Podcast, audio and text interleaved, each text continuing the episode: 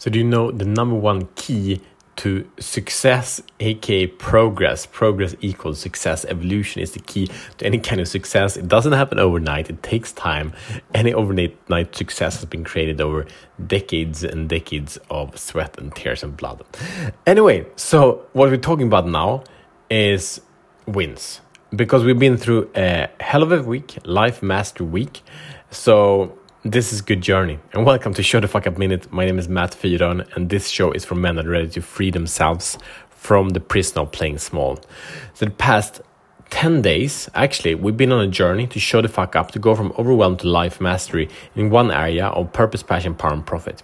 If you didn't go through this, this journey together, we went to the coaching framework of show the fuck up, where you get total clarity where you are, you take charge, and you take tap into proven strategy, take action, get support, you optimize and evolve, and you celebrate and enjoy. If you didn't do this journey, it's life transformative, this journey. I take men through this journey over three months' time, and it's super intense to do that. We did it over nine days, but the difference, we didn't go as deep. However, I want to share with you my takeaways and uh, the key to progress and success. So, number one, what is the key to progress and success? We share it straight away, and that is to to evaluate, right? To check in. What's been happening? What's been happening here? So we can see what are the we have two wins. I share this also in Life Master Planner. We have two things every day. We check in. What are the wins? What are the learnings? We don't check for the failures. Failures uh, is unrealized learning potential, right? So failure is only when we don't harvest what could have been better.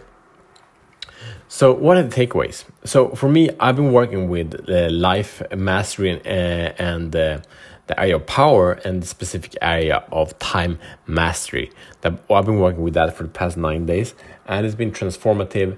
I've been leveling up in so many different levels. I just shared last night with uh, a, a, a group I, I have for with amazing men that support each other. And one of the things we do there is that we hold each other accountable. So I reach out for them and say, here is my plan. here is my ridiculous time schedule. Here's my checklist. Here are my habits. Here's my schedule from 5.30 in the morning to 20 to 10.30 in the evening. These are the things that happen every 30 minutes during my day. This is how I master time. And and it's really really beautiful and this has also led to other benefits that i've been kind of postponing uh, or, or procrastinating we can also call uh, so the past day, I already created, updated my vision, my business vision, and my personal vision. I also created some amazing worksheets I will share with you later on. Of one is the uh, Life Mastery Week. One is the monthly planning, quarterly planning, monthly quarterly business planning to really step up, deliver, produce results in these areas. I've been working through this document myself this week and they are ridiculously powerful. But the reason I'm sharing this because these are results. These are results from the momentum I've gained through this process of working through the Show the Fuck Up framework. This is the clarity and the action, the commitment, the strategy and the support I've been receiving from following this framework.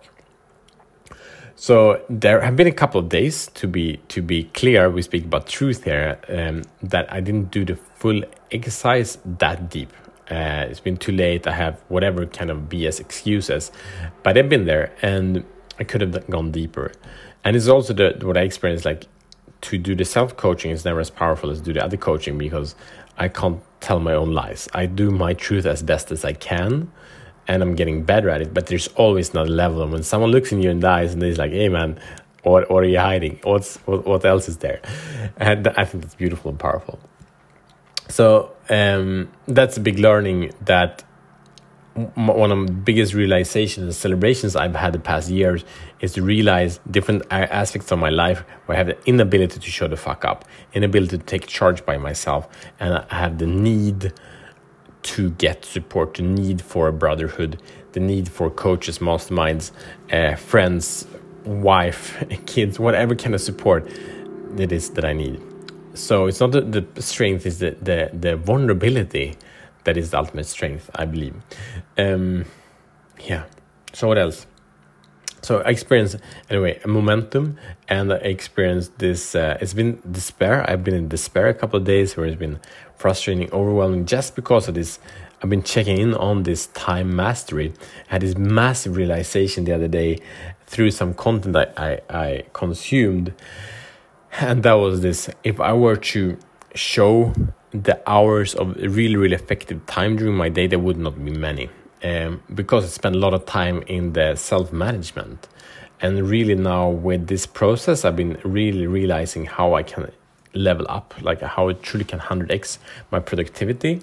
And one of the rules I created for myself now is inspired by Tony Robbins and Sage is to they go for 90 seconds of being in a bad mood uh, or get being triggered uh, it's too much for me so i said five minutes uh, so the point is when i realize i'm triggered i will set my time for five minutes and process and, and do whatever it takes to to harvest the learnings from that process and get out on the other side. So um, your mission should you choose to accept this bit different episode here is to check in. What are your takeaways from this journey? What are your harvests from going through these nine steps going through this evolution going through this life mastery what are your takeaways? What did you learn about yourself? How you showed up? How you didn't show up? And what are your takeaways from the steps in the actual process? And I uh, will continue to invite you to two things. The one, first thing is that if you want support, if you really want to dig deep, dive so much deeper than you ever done before, uncover your wounds, uh, get clarity on your dysfunction, and get clarity on your genius and how you can step up and serve the world from your power, purpose, passion, and, pro- and, and generate profits through that, you can send me a message and we'll get on a conversation. Also, I shared the Life Master Planner with you. It's in the show notes as well as the link to book a, a quick chat with me and together we become better. That's how easy it is. So let's have a good time. Let's uh, continue the celebration from yesterday and harvest all that's good. So see you tomorrow as better men.